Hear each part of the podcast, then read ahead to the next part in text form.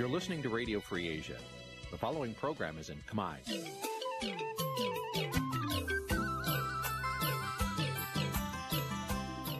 នេះជាកម្មវិធីផ្សាយ Vuthu Azizi Serai នេះជាកម្មវិធីផ្សាយរបស់ Vuthu Azizi Serai ជាភាសាខ្មែរ Vuthu Azizi Serai សូមស្វាគមន៍លោកអ្នកនាងទាំងអស់ពីរដ្ឋធានី Washington នៃសហរដ្ឋអាមេរិក ចាប់ផ្សាយផ្ទាល់ពីរដ្ឋធានី Washington នាងខ្ញុំខែសុណងសូមជម្រាបសួរលោកនាងកញ្ញាប្រិយមិត្តអ្នកស្ដាប់និងអ្នកទស្សនាការផ្សាយរបស់ Vuthu Azizi Serai ទាំងអស់ជាទីមេត្រីចា៎នាងខ្ញុំសូមជូនកម្មវិធីផ្សាយសម្រាប់យប់ថ្ងៃប្រហ័ស300ខែស្រាបឆ្នាំឆ្លូវត្រីស័កពុទ្ធសករាជ2565ដែលត្រូវនៅថ្ងៃទី26ខែសីហាគ្រិស្តសករាជ2021ចា៎ជាដំបូងនេះសូមអញ្ជើញលោកនាងស្ដាប់ព័ត៌មានប្រចាំថ្ងៃដែលមានមេត្តាដូចតទៅ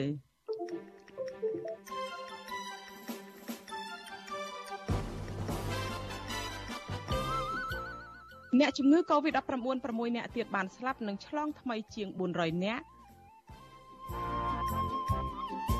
ឡានដំបងរាជធានីភ្នំពេញកាត់ក្តីសកម្មជនបកប្រឆាំង7នាក់ពីបទញុះញង់បាននៅមិនទាន់មានវិធានការជាក់លាក់ករណីស្នើអាជ្ញាធរថៃរឿងចាប់បញ្ជូនសកម្មជនបកប្រឆាំងមកកម្ពុជាវិញឡើយស្ថានទូតខ្មែរស្នើឲ្យឥណ្ឌូនេស៊ី បញ្ជូនប្រេងឆៅទៅជិត30ម៉ឺនធុងមកកម្ពុជាវិញរួមនឹងព័ត៌មានផ្សេងផ្សេងមួយចំនួនទៀត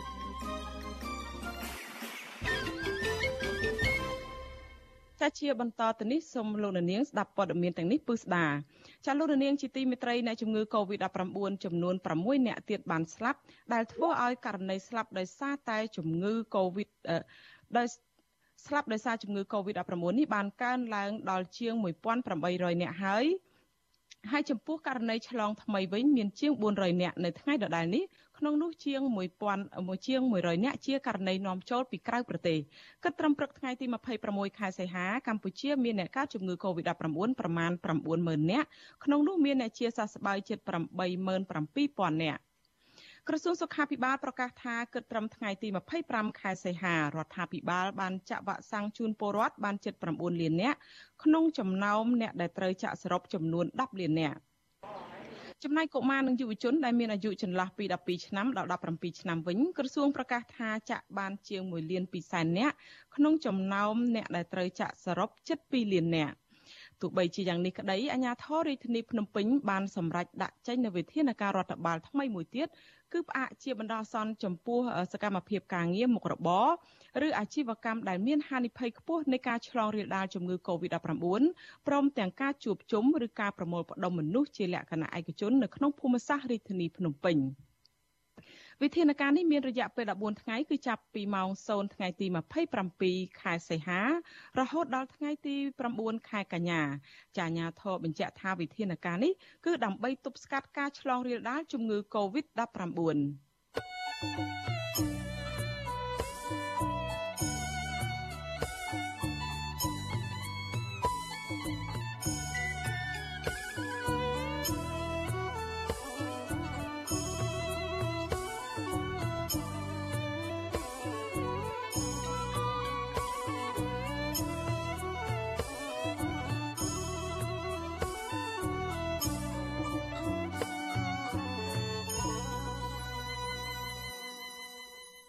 ចាលោករនាងកញ្ញាប្រិយមិត្តអ្នកស្ដាប់និងអ្នកទស្សនាការផ្សាយរបស់វិទ្យុអាស៊ីសេរីទាំងអស់ជាទីមេត្រីមន្ត្រីអង្គការសង្គមស៊ីវិលសោកស្ដាយដែលតុលាការខេត្តបាត់ដំបងបានចោទប្រកាន់និងផ្ដន្ទាទោសបរិសម្នាក់ពីបទញុះញង់ដោយគ្រាន់តែគាត់បង្ហោះសារតាមបណ្ដាញសង្គម Facebook រិះគន់អាជ្ញាធរមិនជួយទិញផ្លែតង្កែនរបស់កសិករ ចាំមន្ត្រីអង្គការសង្គមស៊ីវិលថារឿងនេះជារឿងអយុត្តិធម៌និងរំលោភសិទ្ធិសេរីភាពបញ្ចេញមតិរបស់ពលរដ្ឋចាប់ពីរដ្ឋធានី Washington អ្នកស្រីសុជីវីរាយការណ៍ព័ត៌មាននេះមន្ត្រីខ្លំមើលការរំលោភសិទ្ធិមនុស្សចាត់ទុកការឃុំខ្លួននិងផ្ដន់ទាទោសបរិសម្នាក់ឈ្មោះងួនលី នៅស្រុកកំរៀងខេត្តបាត់ដំបងដែលបានបង្ហោះសាររិះគន់អាញាធរនោះថាជាការគំរាមកំហែងធ្ងន់ធ្ងរប៉ះពាល់ដល់ការសម្ដែងមតិរបស់ពលរដ្ឋ មន្ត្រីសម្របសម្រួលសមាគមការពារសិទ្ធិមនុស្សអាត6ខេត្តបាត់ដំបងលោកយិនមេងលីប្រាប់វិទ្យុអាស៊ីសេរីនៅថ្ងៃទី26ខែសីហាថាការដែលចៅក្រមជំនុំជម្រះផ្ដន់ទាទោសពលរដ្ឋដោយមិនបានស៊ើបអង្កេតស៊ីជម្រៅបែបនេះគឺជារឿងមិនត្រឹមត្រូវឡើយលោកបញ្ជាក់ទៀតថាប្រជាពលរដ្ឋបង្ហោះសារនៅក្នុងបណ្ដាញសង្គម Facebook ស្នើឲ្យអាជ្ញាធរពាក់ព័ន្ធជួយដោះស្រាយពីទុកកង្វល់របស់ពួកគាត់ គឺជាការសម្ដែងមតិរបស់ពលរដ្ឋដោយស្របតាមរដ្ឋធម្មនុញ្ញ។អញ្ចឹងយើងចង់ឲ្យពិចារណាទៅលើចំណុចពីរដែលអង្គការសហប្រជាជាតិគេបានលើកទៅលើសេរីភាពបញ្ចេញមតិហ្នឹងគ្រាន់តែគាត់និយាយប៉ុណ្្នឹងចាំបាច់ទេនៅក្នុងការចាប់គាត់អើមកតើវាសមាមាទេសម្ដីរបស់គាត់និយាយប៉ុណ្្នឹងយកគាត់ទៅដាក់គុក10ខែអញ្ចឹងគេឲ្យធ្វើការពិចារណាទៅលើហ្នឹងបើយើងគ្រាន់តែធ្វើការណែនាំគាត់ធ្វើកិច្ចសន្យាឬក៏ឲ្យគាត់បង្ហោះទៅវិញទៅដោយយើងដោះលែងគាត់ទៅវិញទៅវាបានទេអាហ្នឹងវាចាំបាច់ទេវាសមាមាដែរប្រតិកម្មរបស់មន្ត្រីសិទ្ធិមនុស្សនេះធ្វើឡើងក្រោយពេលដែលសាលាដំបងខេត្តបាត់ដំបងបានផ្ដន្ទាទោសបរិសម្នាក់ឈ្មោះងួនលីអាយុ31ឆ្នាំរស់នៅស្រុកកំរៀងខេត្តបាត់ដំបង ដាក់ពន្ធនាគារ10ខែពីបទញុះញង់ឲ្យប្រព្រឹត្តបទឧក្រិដ្ឋជាអាតពាក់ព័ន្ធនឹងការបង្ហោះសាររិះគន់អាជ្ញាធរខេត្តនេះថាមិនបានជួយទិញផ្លែតង្កែនឬផ្លែមៀនរបស់កសិករនៅស្រុកកំរៀងកាលពីថ្ងៃទី21ខែសីហាពីថ្ងៃក្រោយពីបានបង្ហោះសារនេះលោកត្រូវបានប៉ូលីសនៃអធិការដ្ឋាននគរបាលស្រុកកំរៀងចាប់ខ្លួននិងបានបញ្ជូនទៅឃុំខ្លួននៅពន្ធនាគារខេត្តបាត់ដំបង កាលពីថ្ងៃទី24ខែសីហា តុលាការខេត្តបាត់ដំបងបានចាត់ការរឿងនេះយ៉ាងឆាប់រហ័សនិងឈានទៅដល់ផ្ដន្ទាទោសរូបគាត់ដាក់ពន្ធនាគារតែម្ដងវិទ្យុអាស៊ីសេរីមិនទាន់អាចតាក់ទងសាច់ញាតិលោកងួនលីដើម្បីសាកសួរជំវិញការចាប់ខ្លួននេះបានទេ នៅថ្ងៃទី26ខែសីហាវីដេអូឃ្លីបនៅក្នុង Facebook របស់លោកងួនលីបង្ហាញពីប្រជាពលរដ្ឋបេះផ្លែតាងែនប្រមាណ2តោនច្រកប្រអប់ដាក់គនៅក្រោមដើមតាងែនរបស់កសិករនៅឃុំតាសែនស្រុកកំរៀង លោកងួនលីបាននិយាយរៀបរាប់នៅក្នុងវីដេអូឃ្លីបនោះថាអាញាធរមូលដ្ឋាន បានឲ្យពលរដ្ឋបេះផ្លែតាងែនទាំងនោះហើយប៉ុន្តែมันបានទៅទិញយកពីពួកគាត់នោះទេហើយបើថាមិនទិញខ្ញុំសុំចិត្តទុកស្អុយដើមចោលហ្មងណាទីផ្សារស្រុកខ្មែរហើយសម្ដេចថាជួយទិញជួយអីឲ្យពួកខ្ញុំខំជួយកាច់មើលមានប៉ុណ្ណានេះមើលមើលនេះមើលមើលស្អាតចេះមើលមើលនេះ ហើយម្ដងឲ្យកាច់ម្ដងឲ្យកាច់អីអត់ច្បាស់សោះម្ដងអូឲ្យកាច់ឲ្យជួកម្មករកាច់ទៅពីបេតោនហើយហើយឥឡូវបីកាច់ឲ្យមនុស្សដាក់ឲ្យដាក់ថង់ឥឡូវគេខំដាក់ថង់ដឹកដល់កន្លែងដឹកដល់ស្រុកទៀតស្រុកថាឥឡូវអត់ទេអត់ចង់បានថង់ដាក់កេះឥឡូវដាក់កេះហើយឥឡូវកេះហើយឥឡូវយកយកពីកេះចេញយកពីថង់ចេញដាក់កេះទៀតកេះទៅខាងស្រុកទៅទេវិញហើយទៅដាក់កេះក៏គេអត់យកដែរឥឡូវមើលឲ្យមានអីមានលុយកម្មករណានេះ វិទ្យុអាស៊ីសេរីមិនអាចតាក់ទងแนะនាំពាក្យសាលាដំបងខេត្តបាត់ដំបងលោកឌួងសារ៉នដើម្បីសូមអត្ថាធិប្បាយជុំវិញបញ្ហានេះបានទេ នៅថ្ងៃទី26ខែសីហាប៉ុន្តែទំព័រ Facebook របស់អគ្គស្នងការនគរបាលជាតិចុះផ្សាយកាលពីថ្ងៃទី24ខែសីហាថាវីដេអូឃ្លីបដែលលោកងួនលីបង្ហោះនោះគឺជាការញុះញង់បំផុសឲ្យម្ចាស់ចំការមានភ័ន្តច្រឡំលើចំណាត់ការរបស់រដ្ឋាភិបាល លោកនាយករដ្ឋមន្ត្រីហ៊ុនសែនបានបើកយុទ្ធនាការប្រមូលទិញផ្លែតាងែនពីកសិករនៅខេត្តបាត់ដំបង និងប៉ៃលិន ដែលគ្មានទីផ្សារលក់លោកហ៊ុនសែនថានឹងយកផ្លែតាងែនទាំងនោះទៅចែកដល់កងទ័ពនគរបាលកងរាជអាវុធហត្ថគ្រូពេទ្យអ្នកជំងឺ និងប្រជាពលរដ្ឋដែលកំពុងធ្វើចាត់តលិស័កកន្លងមកមានប្រជាពលរដ្ឋមួយចំនួនបានត្អូញត្អែថាអាញាធរប្រមូលទិញផ្លែតាងែនមិនបានស្មើភាពគ្នានោះទេហើយកសិករខ្លះ ថែមទាំងបានថតវីដេអូឃ្លីបពីផ្លែតាងែនដែលគ្មានទីផ្សារលក់បង្ហោះតាមបណ្ដាញសង្គម Facebook ជាបន្តបន្ទាប់រហូតដល់មានការចាប់ខ្លួនយុវជនម្នាក់នៅខេត្តបាត់ដំបងនេះកសិករដាំតាងែនម្នាក់នៅខេត្តបាត់ដំបងថ្លែងសូមមិនបញ្ចេញឈ្មោះថាលោកមិនគាំទ្រចំពោះការចាប់ខ្លួនបរិសម្នាក់ដែលបង្ហោះសាររិះគន់អាញាធរនោះទេពីព្រោះទង្វើបែបនេះមិនអាចជួយដោះស្រាយទុក្ខលំបាករបស់ប្រជាកសិករឡើយ។ និយាយទៅបងឲ្យតែផលប្រយោជន៍ជាកសិករគឺខ្ញុំគ្រប់គ្រងបងតែយើងយកគាត់ដាក់គុកហ្នឹងខ្ញុំអត់គ្រប់គ្រងទេបងវាមិនប៉ះពាល់អីផងហ្នឹងទៅពេលតែប៉ះរបស់ដល់យើងគិតថាយើងបានលុយទៅពេលដែលយើងមិនបានលុយដូចជាមនុស្សពាក្យច្រើនគឺថាថាថាទៅអារម្មណ៍វាអត់ទៅល្អទេបងមកមកជើឆៅចឹងយើងបរោះចឹងទៅខ្ញុំលឺគម្រោងគាត់ដូចថាចង់យកទៅចាក់ចោលមុខកលាខេតទៅទៀតយើងដាក់ការនេះគ្មានណាទៅរយចំណូលបានទេបងអើយចាប់គេដាក់គុកដាក់ច្បាក់ហ្នឹងជួយឲ្យគ្នាហ្នឹងចេះកាំងទៅមកកម្រិតទៀត មន្ត្រីសិទ្ធិមនុស្សលោកយិនមេងលីយល់ថាការចាប់ខ្លួនលោកងួនលីនេះនឹងមិនបានផលចំណេញទៅដល់សង្គមជាតិឡើយប៉ុន្តែនឹងធ្វើឲ្យកម្ពុជាកាន់តែមានឈ្មោះអាក្រក់នៅលើឆាកអន្តរជាតិទៅវិញទេមន្ត្រីសង្គមស៊ីវិលរូបនេះក៏អំពាវនាវសូមឲ្យតុលាការដោះលែងយុវជនរូបនេះឲ្យមានសេរីភាពវិញហើយឲ្យបញ្ឈប់ការចាប់ខ្លួនពលរដ្ឋដែលបានបង្ហោះសារសម្ដែងមតិដោយសន្តិវិធី និងសាររិះគន់ភាពអសកម្មរបស់អាញាធរនេះបន្តទៅទៀត នាងខ្ញុំសុជីវីវិទ្យុអាស៊ីសេរីពីរដ្ឋធានី Washington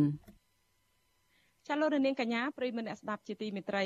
ចាតុលាការក្រុងភ្នំពេញបានបើកសវនាការជំនុំជម្រះក្តីលើសកម្មជនគណៈបកប្រឆាំង7រូបក្នុងនោះមានប្រសង់មួយអង្គពាក់ព័ន្ធទៅនឹងសំណុំរឿងញុះញង់ឲ្យប្រព្រឹត្តអំពើបង្កឲ្យមានភាពវឹកវរធ្ងន់ធ្ងរដល់សន្តិសុខសង្គមនៅថ្ងៃទី26ខែសីហា ចាប់ប៉ុន្តែអវត្តមានជនចាប់ចោតទាំង7រូបដោយសារតែពួកគេកំពុងភៀសខ្លួនទៅរស់នៅក្រៅប្រទេសសកម្មជនបកប្រឆាំងចាត់ទុកដំណើរការកាត់ក្តីនេះថាគឺជាការអនុវត្តច្បាប់បែបលបឡែតាមការចង់បានរបស់បកកាន់អំណាចចាដើម្បីបំបិតសិទ្ធិសេរីភាពនយោបាយរបស់ពួកគាត់ចាលោកនាងនឹងបានស្ដាប់សេចក្តីរាយការណ៍នេះពឹស្ដានៅពេលបន្តិចទៀតនេះ thank you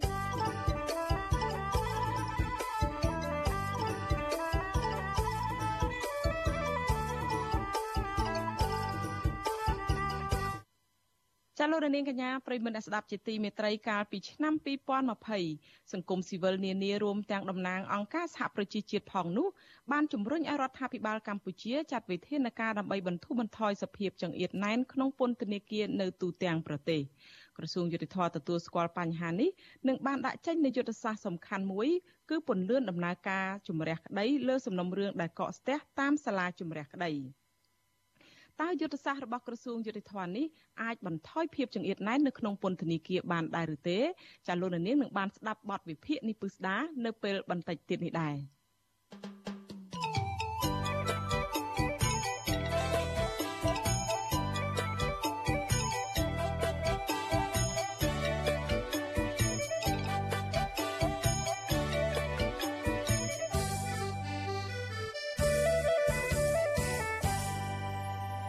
លោកនាងកញ្ញាជាទីមេត្រីតកតងទៅនឹងរឿងសកម្មជនគណៈបកប្រឆាំងដែលកំពុងតែនៅក្រៅប្រទេសឯនោះវិញរដ្ឋាភិបាលកម្ពុជានៅមិនទាន់បញ្ជាក់ចំហថានឹងមានវិធានការបែបណាលើសកម្មជនគណៈបកប្រឆាំងដែលកំពុងភៀសខ្លួននៅឯប្រទេសថៃនោះទេបើទោះបីជាទីប្រឹក្សារបស់លោកហ៊ុនសែនចោទប្រកាន់សកម្មជនទាំងនោះថាបានប្រើប្រាស់បណ្ដាញសង្គមវាយប្រហារនិងជេរប្រមាថរដ្ឋាភិបាលយ៉ាងណាក្តី អ្នកវិភាគយល់ថាភៀកគីកម្ពុជាមានសិទ្ធិស្នើបែបនេះប៉ុន្តែទំនងភៀកគីថៃមិនអាចធ្វើតាមនោះទេចាលោកមានរិទ្ធរាយការណ៍ព័ត៌មាននេះរដ្ឋាភិបាលកម្ពុជាហាមមិនទាន់មានវិធានការជាក់លាក់ណាមួយទាក់ទងទៅនឹងករណីចោទប្រកាន់ថាសកម្មជនគណបកសង្គ្រោះជាតិបានយកទឹកដីថៃធ្វើជាមូលដ្ឋាននៃការប្រើប្រាស់បណ្ដាញសង្គមដើម្បីវាយប្រហារនឹងជាប្រមាថរបបក្រុងភ្នំពេញនិងលោកហ៊ុនសែននោះនៅឡើយទេ ទោះយ៉ាងណាតំណាងរដ្ឋាភិបាលថាអាញាធរកម្ពុជាមានមូលដ្ឋានគ្រប់គ្រាន់នៅក្នុងការចាត់វិធានការទៅលើសកម្មជនទាំងនោះអ្នកនាំពាក្យរដ្ឋាភិបាលលោកផៃសិផាននិយាយថាបរដ្ឋាភិបាលចង់ចាប់ខ្លួនអ្នកទាំងនោះរដ្ឋាភិបាលអាចប្រើប្រាស់មធ្យោបាយពីរយ៉ាងលោកថាអាញាធរកម្ពុជាអាចប្រើច្បាប់បច្ចាប័នដើម្បីស្នើទៅភៀកគីថៃឲ្យចាប់ខ្លួនសកម្មជនគណបកប្រឆាំងមកកម្ពុជាវិញដែលបង្ហាញទៅភៀកគីថៃថាអ្នកទាំងនោះ បានប្រព្រឹត្តបទល្មើសនៅកម្ពុជានិងមានដីកាកាត់ទោសពីតុលាការលោកបន្តថាមធ្យោបាយមួយទៀតគឺស្នើទៅប៉ូលីសអន្តរជាតិឬ Interpol ឲ្យចាប់បញ្ជូនខ្លួនអ្នកទាំងនោះឬមន្ត្រីជាន់ខ្ពស់ណាមួយមកកម្ពុជាវិញអត់ដឹងលេងតែយើងហើយអ្នកដែលចាត់វិធានការមានតែអង្គភាព2មានតែអង្គភាពខាងនគរបាលជាតិរបស់យើងជាមួយនឹងខាងឯអង្គភាពអន្តរពលសម្រាប់របស់យើងគឺ អាហ្នឹងគឺបែបបត់រដ្ឋាភិបាលតាមតឡាការវិញអាឆាប់មួយទៀតនេះគឺចាប់អន្តរពលហ្នឹងគឺអាហ្នឹងចាប់ឆៅទោះយ៉ាងណាក៏ដោយការចាត់វិធានការបែបណានោះលោកផៃស៊ីផានអះអាងថាគឺជាសមត្ថកិច្ចរបស់ក្រសួងមហាផ្ទៃឬអគ្គស្នងការដ្ឋាននគរបាលជាតិវិសុវស៊ីស្រីមិនទាន់អាចសុំការបញ្ជាក់រឿងនេះពីអ្នកនាំពាក្យក្រសួងមហាផ្ទៃនិងអ្នកនាំពាក្យអគ្គស្នងការដ្ឋាននគរបាលជាតិលោកឆាយកំខឿនបាននៅឡើយទេនៅថ្ងៃទី26ខែសីហា កាលពីពេលថ្មីថ្មីនេះទីប្រឹក្សាផ្ទាល់របស់លោកនាយករដ្ឋមន្ត្រីហ៊ុនសែននិងជារដ្ឋលេខាធិការក្រសួងទេសចរលោកសុកសុក្រិតចាបានស្នើទៅភាគីថៃឲ្យជួយទប់ស្កាត់ក្រុមសកម្មជនគណបកសង្គ្រោះជាតិដែលលោកចោទថាបានយកទឹកដីថៃធ្វើជាមូលដ្ឋាននៃការប្រើប្រាស់បណ្ដាញសង្គមដើម្បីវាយប្រហារនឹងជាប្រមាថរបបក្រុងភ្នំពេញនិងលោកហ៊ុនសែនលោកសុកសុក្រិតចាស្នើបែបនេះនៅក្នុងពេលជួបជជែកពង្រឹងផ្នែកពាណិជ្ជកម្មនិងវិស័យបច្ចេកវិទ្យា ជាមួយរដ្ឋមន្ត្រីក្រសួងសេដ្ឋកិច្ច Digital និងសង្គមនៃប្រទេសថៃលោកឆៃវុឌ្ឍឋានាកាណាសនជាមួយគ្នានេះលោកស្នើទៅភាគីថៃឲ្យជួយទប់ស្កាត់អ្វីមួយដែលលោកហៅថាព័ត៌មានคล้ายៗដែលលោកថាអាចធ្វើឲ្យប៉ះពាល់ដល់ទំនាក់ទំនងមិត្តភាពរវាងប្រទេសទាំងពីរ ជំនួយការលោកហ៊ុនសែនរូបនេះក៏បានស្នើឲ្យមានការផ្លាស់ប្តូរបទពិសោធន៍លើការបង្ក្រាបឧក្រិដ្ឋកម្មតាមប្រព័ន្ធអ៊ីនធឺណិត ដូចជាការបង្ក្រាបលបែងអនឡាញនិងការបង្ក្រាបការឆូតកាត់ហិរញ្ញវត្ថុជាដើមជុំវិញសំណើរបស់មន្ត្រីកម្ពុជាបែបនេះវិសុយស៊ីស្រីកំពុងព្យាយាមតាក់ទងអាជ្ញាធរថៃដើម្បីសុំការពន្យល់បន្ថែមក៏ប៉ុន្តែមិនទាន់ទទួលបានការឆ្លើយតបនៅឡើយទេគិតត្រឹមថ្ងៃទី26ខែសីហា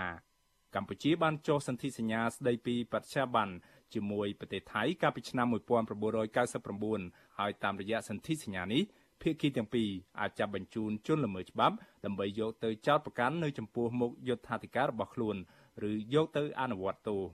ជុំវិញរឿងនេះមន្ត្រីជាន់ខ្ពស់គណៈបកសង្គ្រោះជាតិនិងជាសមាជិកគណៈកម្មការរដ្ឋបាលនៃគណៈបកសង្គ្រោះជាតិនៅទីក្រុងបាងកកលោកដួងចន្ទ្រាឲ្យដឹងថាក្រោយទទួលបានការប្រមានបែបនេះថ្នាក់ដឹកនាំនិងសកម្មជនមួយចំនួននៃគណៈបកសង្គ្រោះជាតិបានផ្ញើលិខិតទៅតំណាងអង្គការសហប្រជាជាតិ ទទួលបន្ទុកជនភៀសខ្លួនប្រចាំនៅប្រទេសថៃឲ្យបានដឹងអំពីរឿងនេះពេលនេះសកម្មជនគណៈបកសង្គ្រោះជាតិជិត70នាក់បានភៀសខ្លួននៅប្រទេសថៃដើម្បីគេចពីការធ្វើទុកបុកម្នេញពីរបបឯកបកដឹកនាំដោយគណៈបកប្រជាជនកម្ពុជា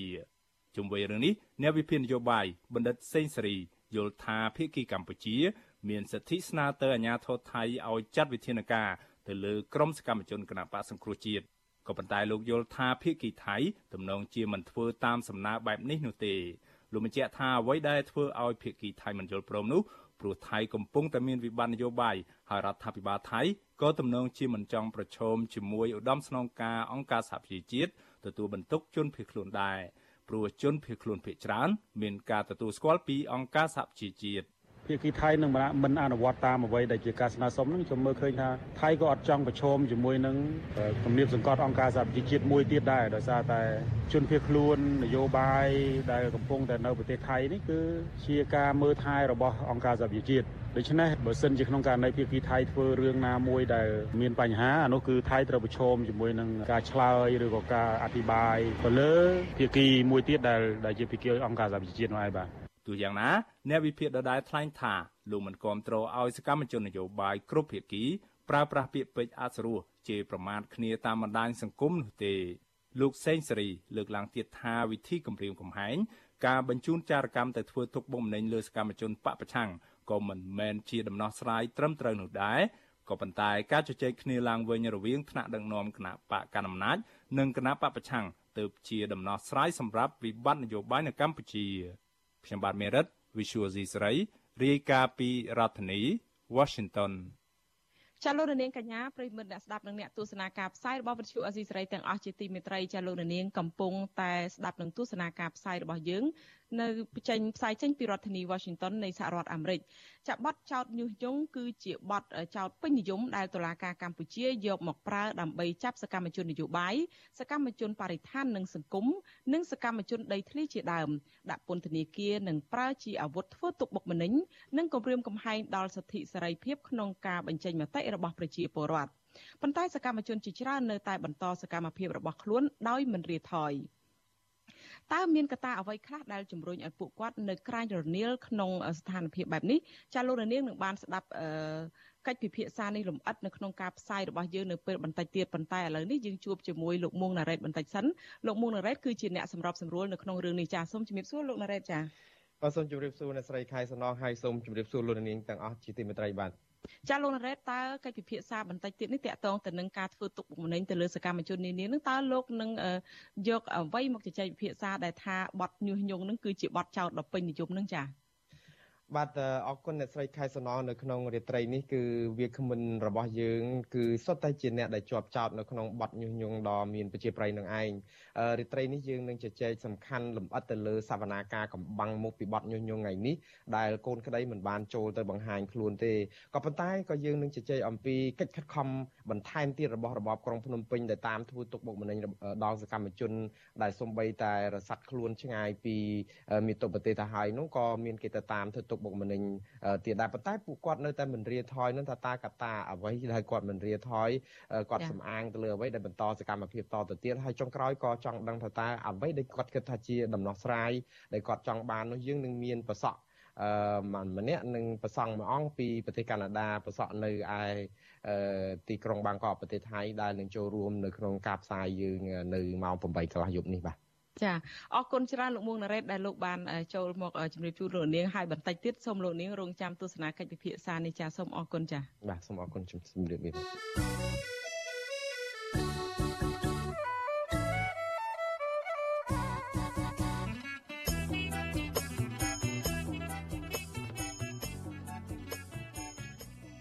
ចាលោករនាងកញ្ញាជាទីមេត្រីចាលោករនាងអាចស្ដាប់ការផ្សាយផ្ទាល់របស់វិទ្យុអាស៊ីសេរីដំណើរគ្នាទៅនឹងការផ្សាយលើបណ្ដាញសង្គម Facebook និង YouTube តាមរយៈរលក ធាតុអាកាសខ្លីឬ Shortwave តាមកម្រិតនិងកម្ពស់ដូចតទៅនេះចាប់ពេលព្រឹកចាប់ពីម៉ោង5កន្លះដល់ម៉ោង6កន្លះតាមរយៈរលក ធាតុអាកាសខ្លី9940 kHz ស្មើនឹងកម្ពស់ 30m ពេលយប់ ពីម៉ោង7កន្លះដល់ម៉ោង8កន្លះតាមរយៈរលកធាតុអាកាសខ្លី9960 kHz ស្មើនឹងកម្ពស់ 30m និង11240 kHz ស្មើនឹងកម្ពស់ 25m ចាសសូមអរគុណ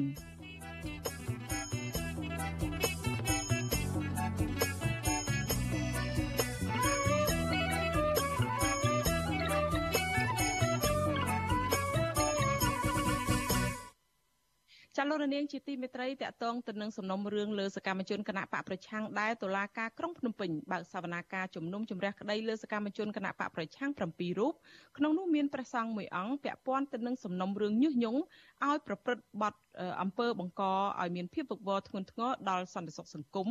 នៅថ្ងៃទី26ខែសីហានេះប៉ុន្តែអវត្តមានជនជាប់ចោតទាំង7រូបដោយសារតែពួកគេកំពុងភៀសខ្លួននៅក្រៅប្រទេស។ ចាសកម្មជនបកប្រឆាំងចាត់ទុកដំណើរការក្តីរឿងនេះថាគឺជាការអនុវត្តច្បាប់បែបឡបឡែតាមការចង់បានរបស់គណៈបកកាន់អំណាចដើម្បីបំបិទសិទ្ធិសេរីភាពនយោបាយរបស់ពួកគាត់ចាប់ពីរដ្ឋធានី Washington សូមអញ្ជើញលោកនាងស្ដាប់សេចក្តីរាយការណ៍របស់លោកសេកបណ្ឌិតចៅក្រមជំនុំជម្រះសាលាដំបងរាជធានីភ្នំពេញអ្នកស្រីអុករ៉េតគុន្ធាបើកសវនាការកាត់ក្តីកំបាំងមុខសកម្មជនគណៈបកប្រឆាំង7រូបក្នុងនោះ មានព្រះសង្ឃមួយអង្គផង ពីបទញុះញង់ ឲ្យប្រព្រឹត្តអំពើបង្កឲ្យមានភាពវឹកវរធ្ងន់ធ្ងរដល់សន្តិសុខសង្គមសវនាការកំបាំងមុខនេះក៏មិនមានមេធាវីចូលការពារក្តីឲ្យពួកគេក្នុងតុលាការដែររហូតមកដល់ម៉ោងផ្សាយនេះវិទ្យុអាស៊ីសេរីនៅមិនទាន់អាចតាក់ទងแนะនាំពាក្យអាយកាអមសាលាដំបងរាជធានីភ្នំពេញលោកប្លង់សុផលដើម្បីសាកសួរអំពីដំណើរការសវនាការនេះបាននៅឡើយទេប៉ុន្តែសកម្មជនដែលជាប់ចោតក្នុងសំណុំរឿងនេះឲ្យដឹងថា ចៅក្រមគ្រងប្រកាសសាលក្រម នៅថ្ងៃទី9ខែកញ្ញាខាងមុខជនជាប់ចោតទាំង7នាក់ក្នុងសំណុំរឿងនេះរួមមានព្រះសង្ឃមួយអង្គគង់នៅប្រទេសកាណាដា គឺព្រះដេចគុណនូសុធា និងសកម្មជនគណៈបកសង្គ្រោះជាតិ6នាក់ក្នុងនោះមាន5នាក់កំពុងរស់នៅភៀសខ្លួននៅប្រទេសថៃ និងម្នាក់ទៀតរស់នៅប្រទេសបារាំងសកម្មជនទាំងនេះសុទ្ធសឹងជាអ្នកដែលលេចធ្លោក្នុងការរិះគន់រដ្ឋាភិបាលលោកហ៊ុនសែន តាមរយៈគេហទំព័រ Facebook ឈ្មោះក្រុមអ្នកប្រយុទ្ធ CNRP មានដូចជា លោកនាងសុខុន លោករិនរតលោករុនចន្ទធី លោកសឹមសុភា និងលោកម៉ៅវិបុលទោះជាយ៉ាងណាសកម្មជនទាំងនេះនៅមិនទាន់ដឹងថាតុលាការចោទប្រកាន់ពួកគេពីបទញុះញង់ពាក់ព័ន្ធនឹងអង្គហេតុអ្វីជាក់លាក់នៅឡើយអតីតអ្នកទស្សនយោបាយនិងជាយុវជនរបស់គណៈបកសង្គ្រោះជាតិដែលកំពុងភៀសខ្លួននៅក្នុងប្រទេសថៃ គឺលោកនាងសុខុនថ្លែងថា លោកហួសចិត្តដែលតុលាការរបបលោកហ៊ុនសែនបើកសវនាការកាត់ទោសលោកទាំងដែលលោកខ្លួនឯងមិនបានដឹងថាញុះញង់ឬអ្វីនឹងនៅទីណាផងនោះទេលោកបារម្ភថាតុលាការរបស់លោកហ៊ុនសែនអាចនឹងបញ្ជូនដីកាចាប់ខ្លួនឲ្យអាជ្ញាធរថៃដើម្បីចាប់ខ្លួនពួកលោកយកទៅដាក់ពន្ធនាគារព្រោះថ្មីថ្មីនេះទីប្រឹក្សាផ្ទាល់របស់លោកហ៊ុនសែន បានស្នើភាគីថៃឲ្យជួយទប់ស្កាត់ក្រុមសកម្មជនគណបកប្រឆាំងដែលកំពុងជ្រកកោននៅក្នុងប្រទេសថៃនោះ វាជារឿងនយោបាយដែលហ៊ុនសែនកំពុងតែបំបត្តិសិទ្ធិសេរីភាពយុវជនបំបត្តិមាត់ប្រជាពលរដ្ឋកុំឲ្យនិយាយការពិតនឹងរឿងសង្គមដែលដឹកនាំអសកម្មរបស់ខ្លួនដែលគ្មានសមត្ថភាពរបស់ខ្លួនការដឹកនាំប្រទេសជាតិនោះបាទទោះបីជាយើងភ័យព្រួយយ៉ាងណាក៏ដោយក៏ប៉ុន្តែយើងមិនបោះបង់បេសកកម្មរបស់យើងដែលយើងកំពុងតែចូលរួមតស៊ូបែបអហិង្សាជាមួយនឹងជនផ្ដាច់ការដើម្បីនាំសេរីភាពជូនប្រជាពលរដ្ឋខ្មែរបានទេ ជាមួយគ្នានេះព្រះដេចគុណនូសុធា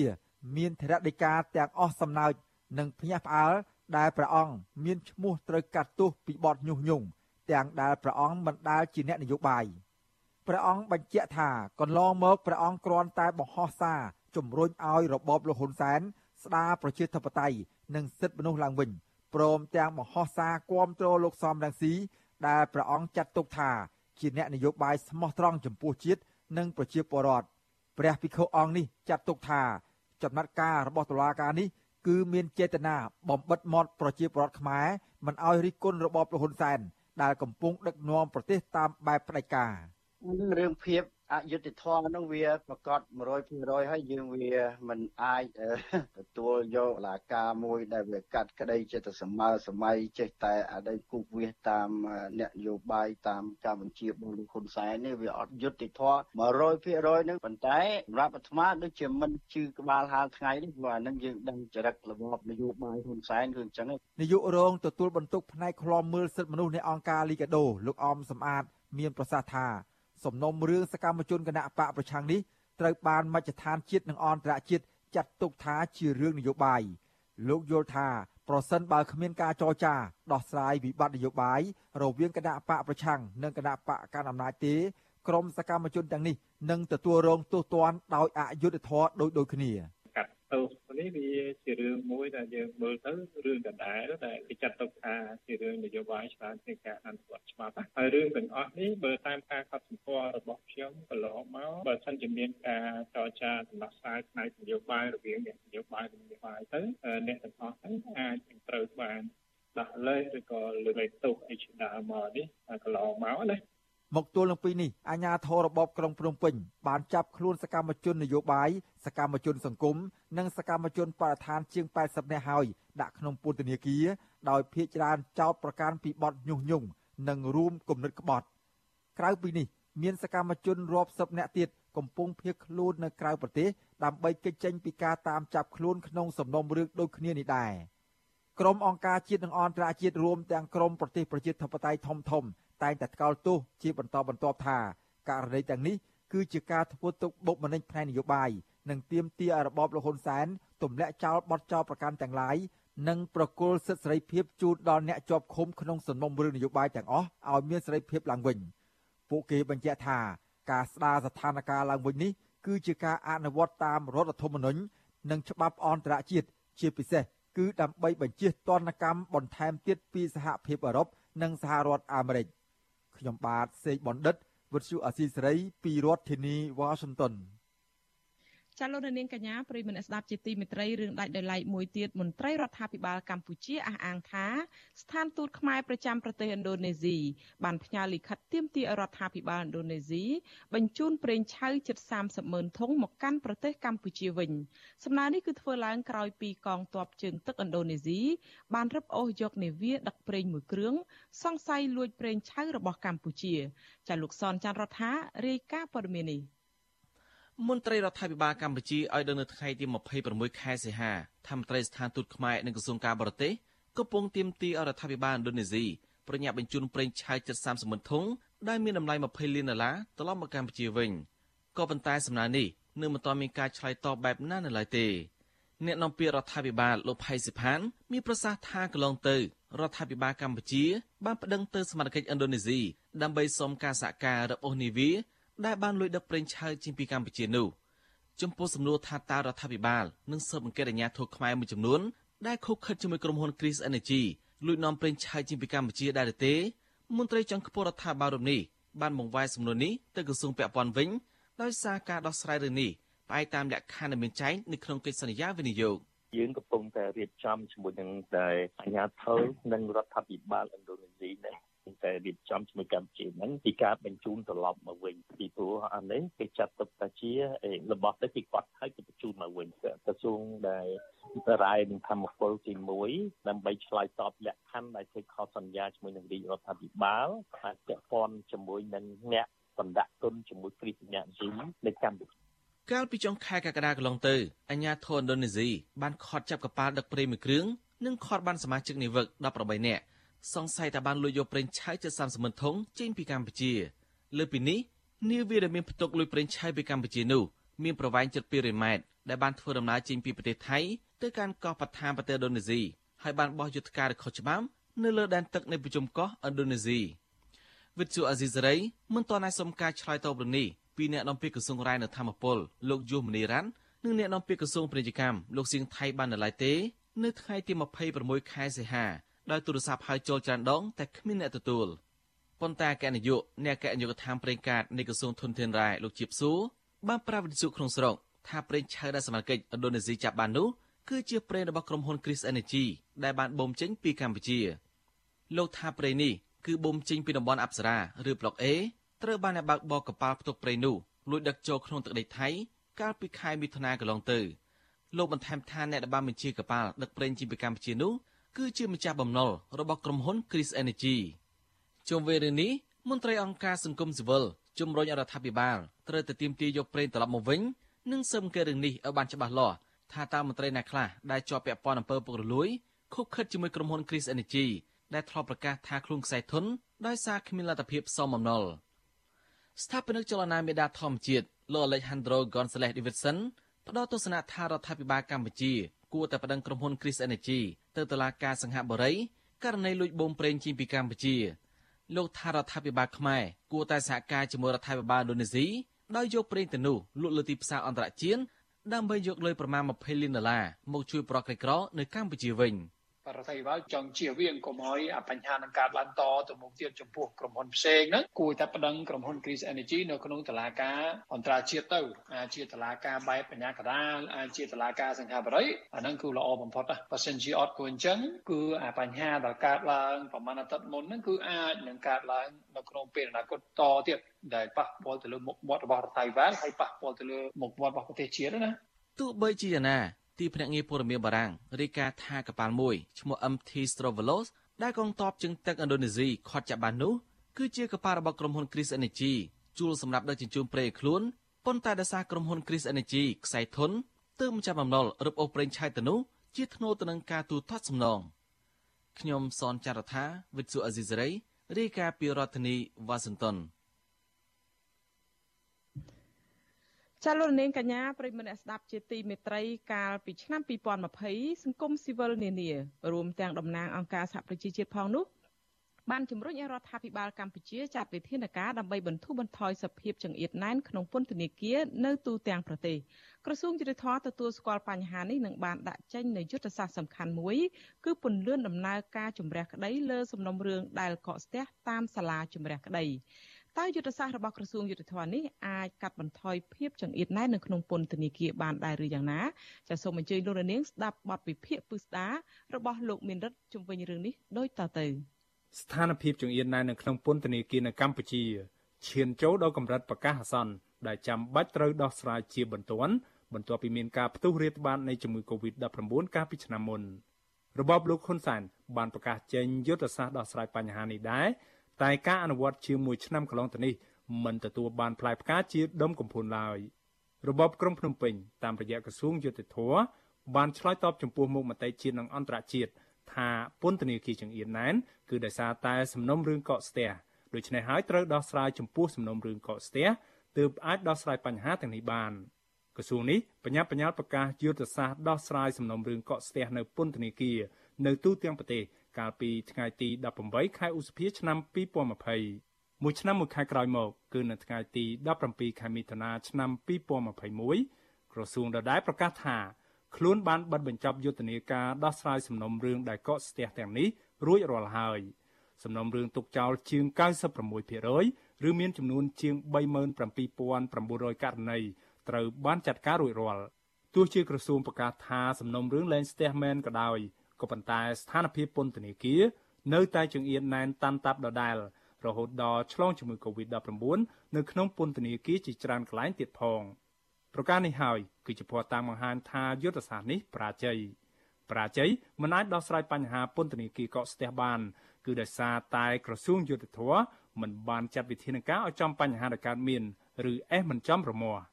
អង្គការនានាបានលើកឡើងថាបញ្ហាចម្បងនាំឲ្យចំនួនអ្នកជាប់ឃុំកើនឡើង គឺដោយសារតែការអនុវត្តនីតិវិធីច្បាប់នៅក្នុងប្រព័ន្ធតុលាការកម្ពុជា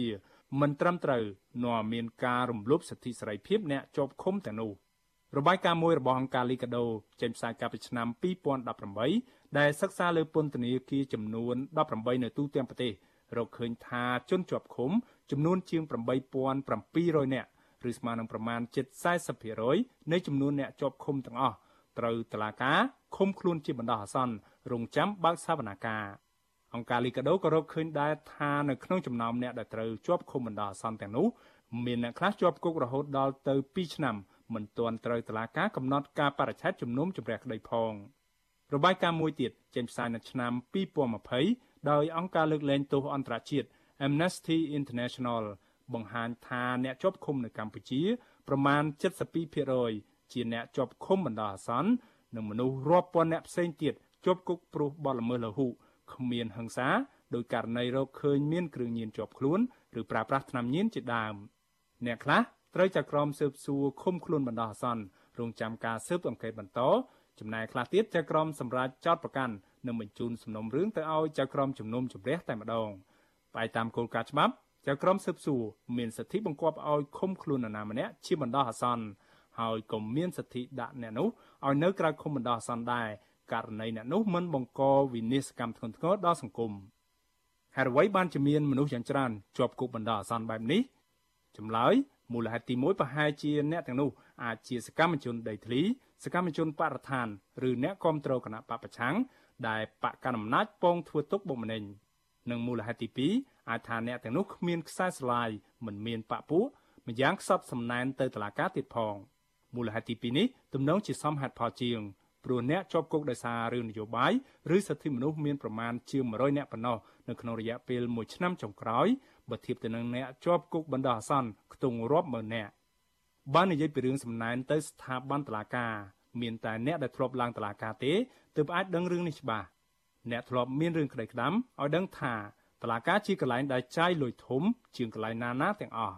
សម័យនេះអ្នកចាយលុយត្រូវមានរបៀបចាយត្រូវចេះលាក់កំបាំង ត្រូវសុកប៉ាន់តាមឈ្មួញកណ្ដាលនិងត្រូវបិទមាត់ឲ្យជិត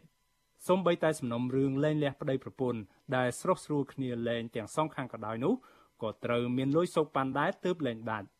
បើមិនសុកលុយទេពាក្យបណ្ដឹងទាំងនោះអាចនឹងคล้ายទៅជាកកដុសផ្សិតជាមិនខានហើយបើប្តីប្រពន្ធមួយគូនេះត្រូវរើគ្នាវិញពួកគេអាចបង្កើតកូនរហូតដល់កូនធំបានរៀបការក៏តឡាការនៅមិនទាន់ដោះស្រាយបណ្ដឹងលែងលះនោះផង ហាងឆេងនៃសំណុំរឿងមានមិនដូចគ្នានោះទេ គឺថ្លៃឬថោកទៅតាមទំហំរឿងសំណុំរឿងធំប៉ះពាល់ធំត្រូវចាយលុយច្រើន ចំណែកឯសំណុំរឿងតូចចាយលុយតិចទោះជាយ៉ាងណាក៏ដោយការលើកឡើងទាំងនេះអាចមិនត្រូវនោះទេ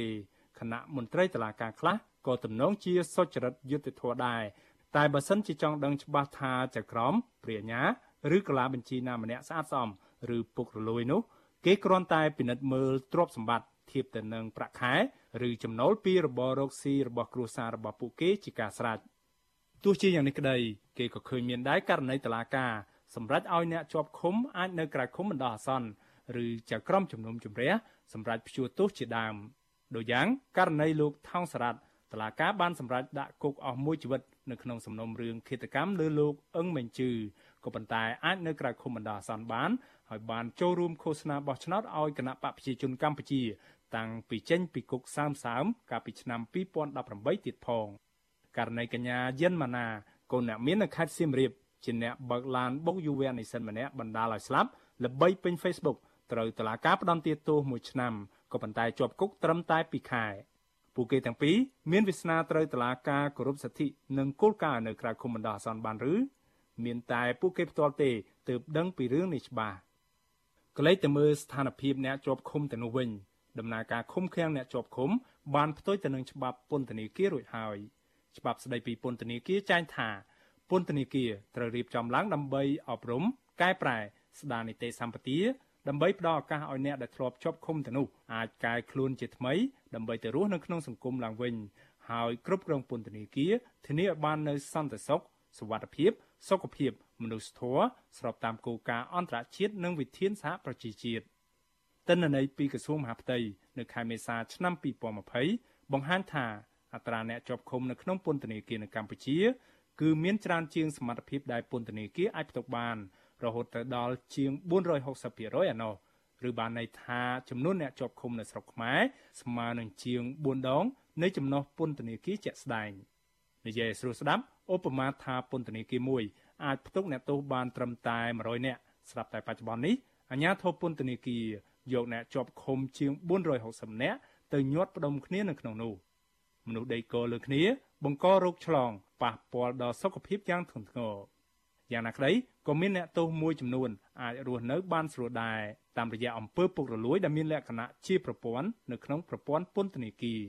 ក្រុមអ្នកជំនួញអង្គការមួយចំនួនឈ្មោះជាប់គុកមែនតែខ្លួនដេកនៅក្នុងបន្ទប់មន្ទីរពេទ្យ VIP នៅក្នុងម៉ាស៊ីនត្រជាក់យ៉ាងរំភើយ សង្គមស៊ីវិលរកឃើញថាកម្ពុជាពិតជាមានករណីរំលោភសិទ្ធិបុគ្គលជាប់ឃុំយ៉ាងធ្ងន់ធ្ងរតាមរយៈកង្វះការគោរពគោលការណ៍សន្មត់ជាមុនថាគ្មានទោសសម្រាប់ជនជាប់ចោតការបំពានសិទ្ធិទទួលបានការជំនុំជម្រះក្តីដោយយុត្តិធម៌និងទាន់ពេលវេលា កង្វះតំណាងផ្លូវច្បាប់ការដាក់ទោសធ្ងន់ធ្ងរមិនសមមាត្រទៅនឹងបទល្មើសនិងជាពិសេសការបរាជ័យនៅក្នុងការគ្រប់គោលការណ៍ឃុំខ្លួនបណ្ដោះអាសន្នដែលត្រូវធ្វើឡើងតែករណីចាំបាច់ សរុបសេចក្តីមករដ្ឋាភិបាលកម្ពុជាត្រូវដោះស្រាយបញ្ហាចំកន្លែងមានបញ្ហាទើបអាចបន្ថយភាពចង្អៀតណែននៅក្នុងពន្ធនាគារបានបើដោះស្រាយមិនបានមនុស្សរាប់ពាន់នាក់ទៀតនឹងជាប់ពន្ធនាគារចង្អៀតដដែលនាំឲ្យមានអំពើអយុត្តិធម៌សង្គមបង្កការឈឺចាប់ដល់មនុស្សរាប់ម៉ឺនគ្រួសារបើសិនជាប្រទេសកម្ពុជា មានការគ្រប់នីតិរដ្ឋនិងលទ្ធិប្រជាធិបតេយ្យពិតប្រាកដមែននោះនោះប្រជាពលរដ្ឋខ្មែររាប់ម៉ឺននាក់ ក៏មិនជួបបញ្ហាគួរឲ្យខ្លោចផ្សាបែបនេះដែរខ្ញុំបាទមេរិត Visual C ស្រីរាយការណ៍ពីរដ្ឋធានី Washington ចាលោកនាងកញ្ញាប្រិយមិត្តអ្នកទស្សនាការផ្សាយរបស់វិទ្យុអេស៊ីស្រីទាំងអស់ជាទីមេត្រីចាងាកទៅសេចក្តីរាយការណ៍របស់ក្រមស្ត្រីតវ៉ានៅថ្ងៃសុក្រវិញក្រមស្ត្រីអ្នកតវ៉ាដោយសន្តិវិធីដើម្បីទាមទារការដោះលែងប្តីនិងសាច់ញាតិរបស់ខ្លួនខកចិត្តនិងសោកស្ដាយចំពោះតំណាងរដ្ឋាភិបាលលោកហ៊ុនសែន ប្រចាំអង្គការសហប្រជាជាតិនៅទីក្រុងហ្សឺណែវប្រទេសស្វីសដែលបានចោទប្រកាន់គ្មានមូលដ្ឋានទៅលើអ្នកតវ៉ាដោយអហិង្សាថាជាអ្នកស៊ីឈ្នួលតវ៉ា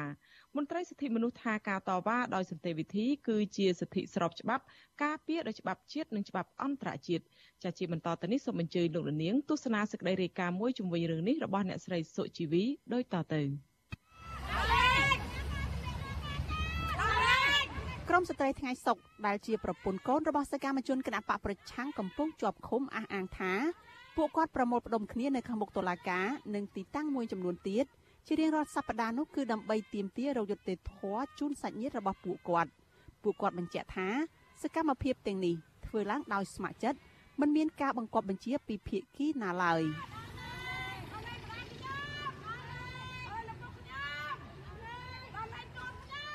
ប្រពន្ធមន្ត្រីបកប្រឆាំងកំពុងជាប់ឃុំលោកកកុម្ភាគឺលោកស្រីព្រំចន្ទថាថ្លែងថាការលើកឡើងរបស់តំណាងរដ្ឋាភិបាលកម្ពុជាដែលថាមានអ្នកស៊ីឈ្នួលធ្វើបាតុកម្មដើម្បីដាក់សម្ពាធលើតុលាការនោះជារឿងមិនត្រឹមត្រូវ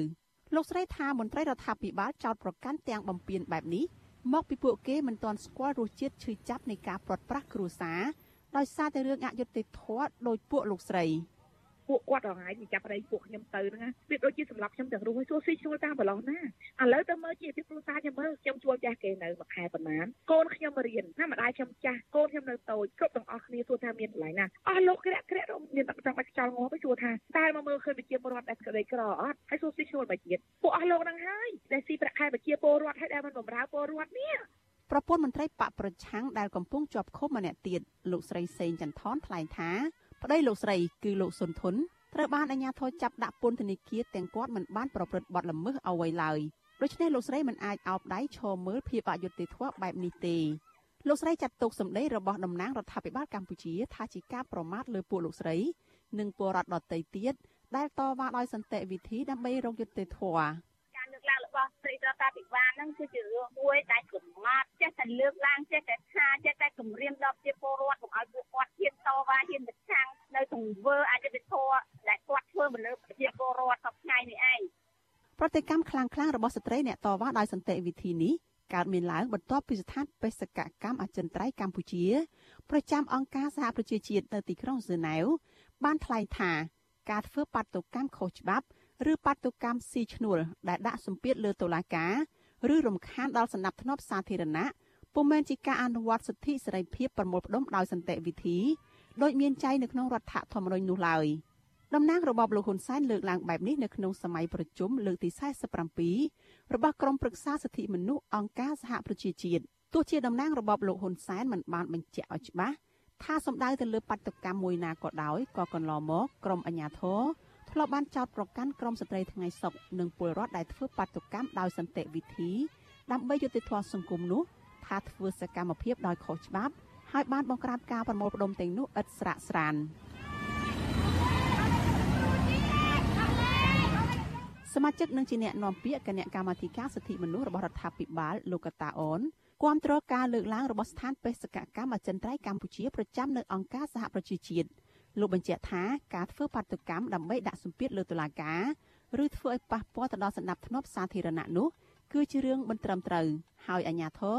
មានសមត្ថកិច្ចនៅក្នុងការទប់ស្កាត់ការប្រមូលផ្ដុំពីក្រមពីបកពីពួកហើយដាក់សម្ពាធទៅបង្ខំទៅទាមទារដលាការអានឹងឯងដែលជាអំពើមួយអត់មានការអនុញ្ញាតហើយខាងទាំងដាក់សម្ពាធទៅដលាការដែលជាដលាការឯករាជ្យអញ្ចឹងវាជារឿងមួយដែលមិនត្រឹមត្រូវនៅក្នុងក្របខ័ណ្ឌនៃការចេញតិទេការប្រមូលផ្ដុំតវ៉ារបស់ពលរដ្ឋដោយសន្តិវិធីដើម្បីទាមទារឲ្យតុលាការដោះស្រាយរឿងអ្វីមួយប្រកបដោយយុត្តិធម៌នោះគឺជាយន្តការធម្មតាមួយនៅក្នុងប្រទេសប្រកាន់ប្រជាធិបតេយ្យមិនអាចចាត់ទុកថាជាការដាក់សម្ពាធលើតុលាការទេអ្នកសង្កេតការមើលឃើញថាអ្នកដែលមានឥទ្ធិពលគៀបសង្កត់លើតុលាការនោះ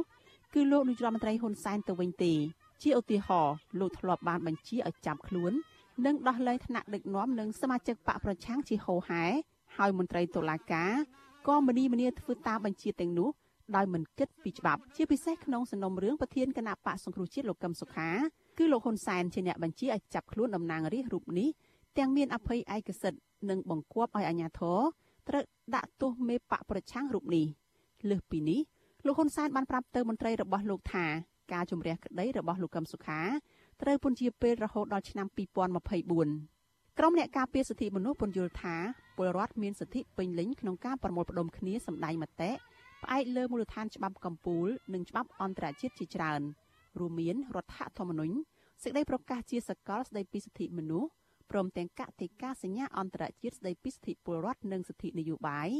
ដែលក្រមព្រឹក្សាធម្មនុញ្ញកម្ពុជាទទួលស្គាល់ថាជាច្បាប់ជាតិនៅក្នុងឆ្នាំ2007 សម្បីតែនៅក្នុងច្បាប់ស្តីពីបាតុកម្មដោយសន្តិវិធី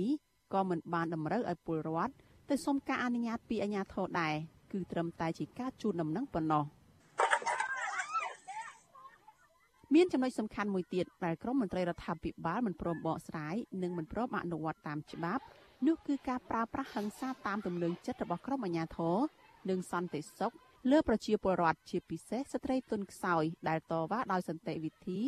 ជារៀងរាល់សប្តាហ៍ទោះបីជាករណីហិង្សាប្រព្រឹត្តដោយភ្នាក់ងាររដ្ឋនេះត្រូវបានផ្សព្វផ្សាយព្រមព្រៀងមានទាំងវីដេអូនិងរូបថតហើយជនរងគ្រោះក៏បានដាក់បណ្ដឹងក៏ដោយក៏តុលាការនិងស្ថាប័នជំនាញគ្មានចំណាត់ការអ្វីទៅលើក្រុមអ្នកប្រព្រឹត្តដែលជាកងកម្លាំងអាជ្ញាធរទាំងនោះដែរជុំវិញរឿងនេះនាយករងទទួលបន្ទុកផ្នែកខ្លំមើលសិទ្ធិមនុស្សនៃអង្គការលីកាដូលោកអំសំអាត មានប្រសាសន៍ថាអាជ្ញាធរមានកាតព្វកិច្ចការពារមិនមែនបង្ក្រាបនោះទេ ប្រសិនបើការប្រមូលផ្ដុំរបស់ពលរដ្ឋធ្វើឡើងដោយសន្តិវិធីលោកបកស្រាយទៀតថាករណីអាជ្ញាធរប្រើហិង្សាលើអ្នកតវ៉ាដោយសន្តិវិធីនោះគឺជាអំពើល្មើសច្បាប់និងជាការប្រើអំណាចដោយបំពានដែលក្រមអាជ្ញាធរត្រូវតែប្រឈមមុខនឹងផ្លូវច្បាប់ដែរកាលណាយើងប្រើប្រាស់អំពើហិង្សាទៅលើអ្នកជួបជុំដោយសន្តិវិធីបានន័យថាយើងខុសច្បាប់ យើងប្រើប្រាស់អំណាចដោយអំពើហិង្សា ចឹងបើសិនជាកាលណាប្រើប្រាស់អំពើហិង្សាមិនប្រឈមមុខចំពោះមុខច្បាប់នឹងហើយជាការលើកទឹកចិត្តសម្រាប់ការប្រើប្រាស់អំពើហិង្សានេះជាបន្តនោះលោកអំសំអាតថ្លែងទៀតថាតំណាងរដ្ឋាភិបាលមានសិទ្ធិបកស្រាយការពៀខ្លួនជំវិញការគោរពនិងការអនុវត្តសិទ្ធិមនុស្សនៅកម្ពុជាប៉ុន្តែក្រមប្រឹក្សាសិទ្ធិមនុស្សអង្គការសហប្រជាជាតិនិងសហគមន៍អន្តរជាតិក៏មានភ័ស្តុតាងរឿងមាំបញ្ជាក់ពីបញ្ហាធ្លាក់ចុះការគោរពសិទ្ធិមនុស្សនៅកម្ពុជាដែរ ពួកគេទាមទារឲ្យអាជ្ញាធររបបលោកហ៊ុនសែនបញ្ឈប់ការប្រើហិង្សានិងការបង្ក្រាបលើការប្រមូលផ្ដុំដោយសន្តិវិធីរបស់ពលរដ្ឋហើយងាកមកគោរពសិទ្ធិសេរីភាពជាមូលដ្ឋានរបស់ពលរដ្ឋដោយមានចែងនៅក្នុងរដ្ឋធម្មនុញ្ញឡើងវិញ។ក្រុមអ្នកតវ៉ាដោយសន្តិវិធីក៏អំពាវនាវយ៉ាងដូចនោះដែរប៉ុន្តែពួកគាត់មានការបដិញ្ញាចិត្តមោះមុតបន្ថែមទៀតពួកគាត់អះអាងថាបើទោះបីជាអាញាធរនៅតែតាមយាយីនិងធ្វើទុកបុកម្នេញលើពួកគាត់ទៀតក៏ដោយ ក៏ពួកគាត់នៅតែចេញតវ៉ារៀងរាល់សប្តាហ៍ដដែលដើម្បីជួយរកយុត្តិធម៌ជូនគ្រួសាររបស់ពួកគាត់ដែលកំពុងជាប់ឃុំដោយអយុត្តិធម៌នេះខ្ញុំសុជីវី Vithu Azizi Saray រាយការណ៍ពីរដ្ឋធានី Washington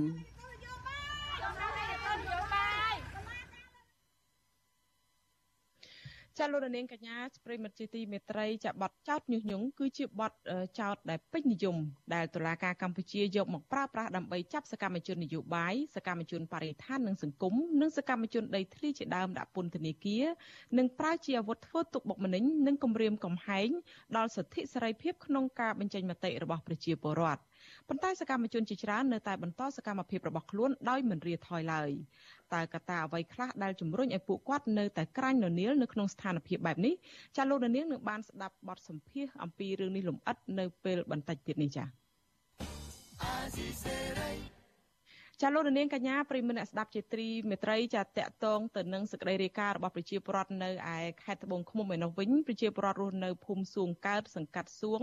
នៅក្នុងខេត្តត្បូងឃ្មុំស្នើសុំឲ្យអាជ្ញាធរបញ្ឈប់សកម្មភាពឈូសឆាយ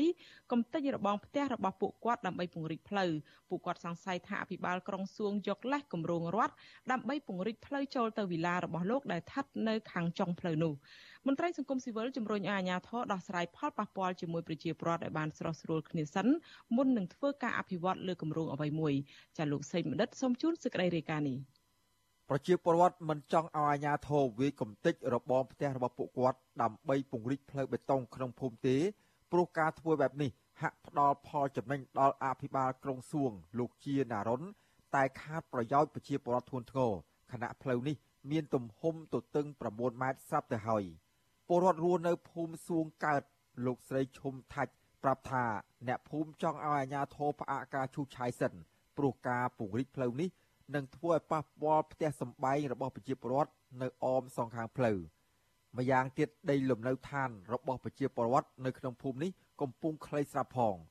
អ្នកភូមិសួងកើតរូបនេះនឹងមិនព្រមរុះរើរបងចេញដោយខ្លួនឯងទេ ហើយក៏មិនហ៊ានធ្វើសកម្មភាពតវ៉ាដែរ ព្រោះបារម្ភពីការចោទប្រកាន់ផ្សេងផ្សេងផ្លូវនឹងអត់មានសេដ្ឋកិច្ចអីទេអត់មានសេដ្ឋកិច្ចទេគេបរិយដើម្បីប្រព័ន្ធភាពនឹងចេះផ្ទះសវាយក្រុងនឹងវានៅចំមកចុងផ្លូវហ្នឹងសវាយក្រុងហ្នឹងគាត់គេធ្វើបុកចាំផ្ទះសវាយក្រុងហ្នឹងបើសិនជាគេຕົកចំណៃផ្លូវតែ1ម៉ែត្រ1ម៉ែត្រគឺអត់ប៉ះទេអត់មានប៉ះប្រជាជនទេអភិបាលក្រុងសួងលោកជានរុនបានជូនដំណឹងការពីថ្ងៃទី9សីហាដោយទុកពេលឲ្យអ្នកភូមិសួងកើតចំនួន2សប្តាហ៍ដើម្បីកាប់ផលដំណាំ និងរុះរើរបងផ្ទះ ឬសំណង់នានាថយពីខ្សែអផ្លូវឲ្យបាន5ម៉ែត្រក្នុងករណីហួសថ្ងៃអសានវិទ្យគឺនៅថ្ងៃទី23សីហាអាជ្ញាធរនឹងចុះទៅរុះរើដោយចាប់បង្ខំនិងមិនទទួលខុសត្រូវចំពោះការខូចខាតនានានោះទេ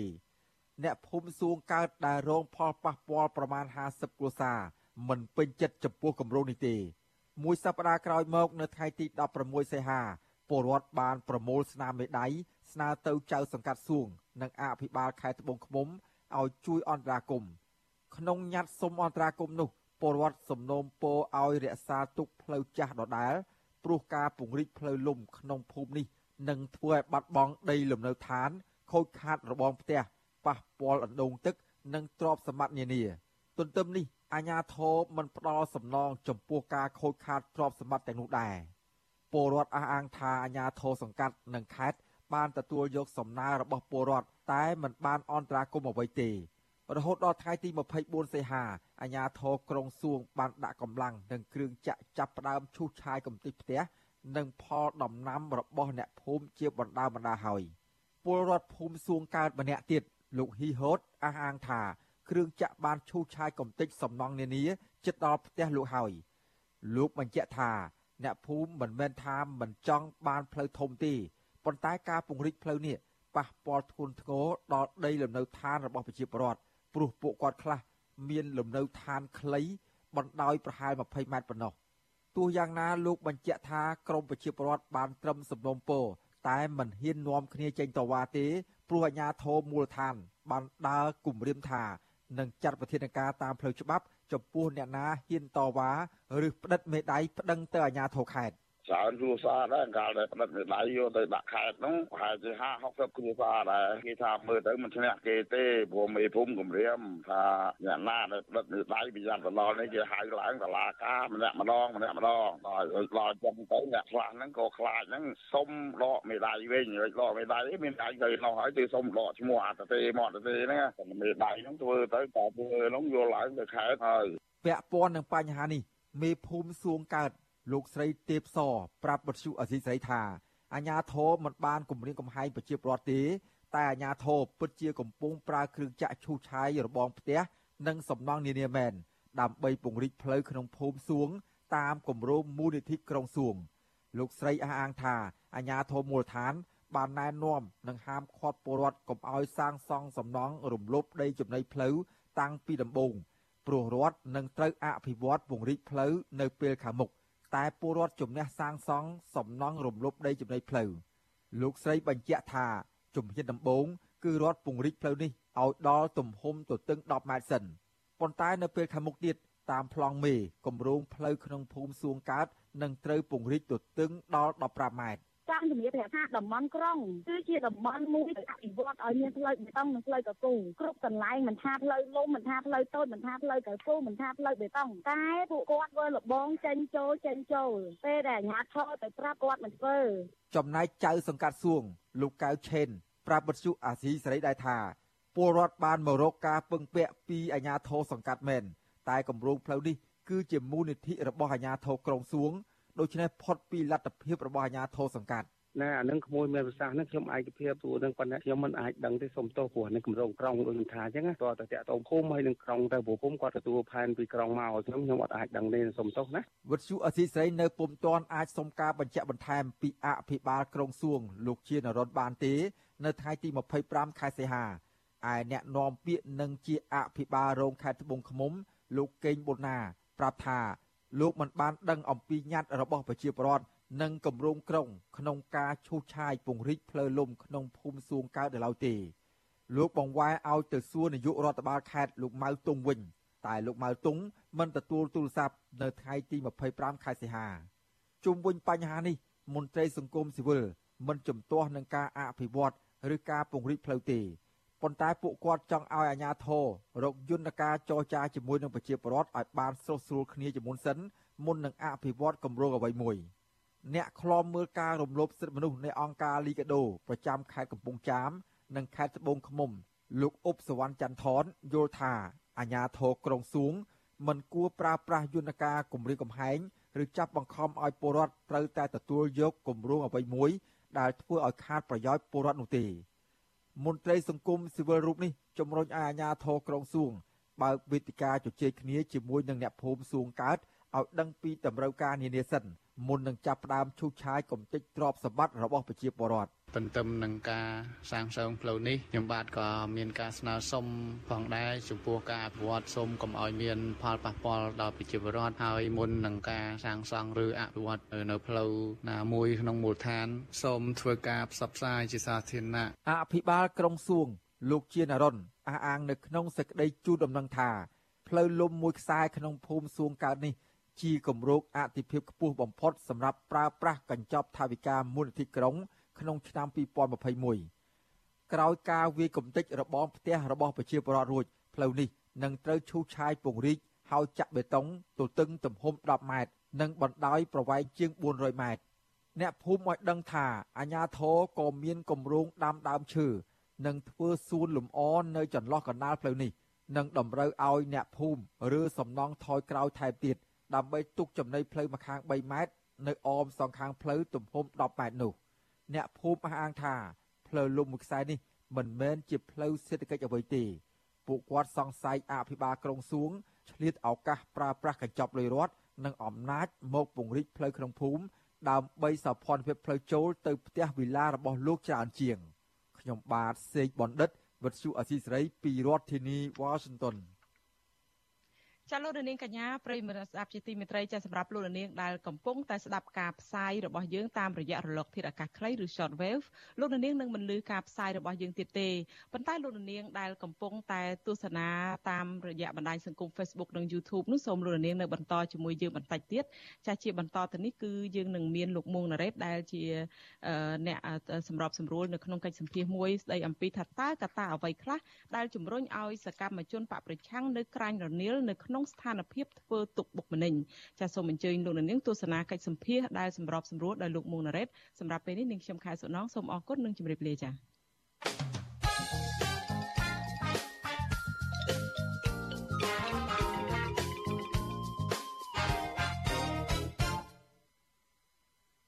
បបាទពីរដ្ឋធានី Washington ខ្ញុំបាទមួនរិទ្ធសូមជម្រាបសួរលោកអ្នកនាង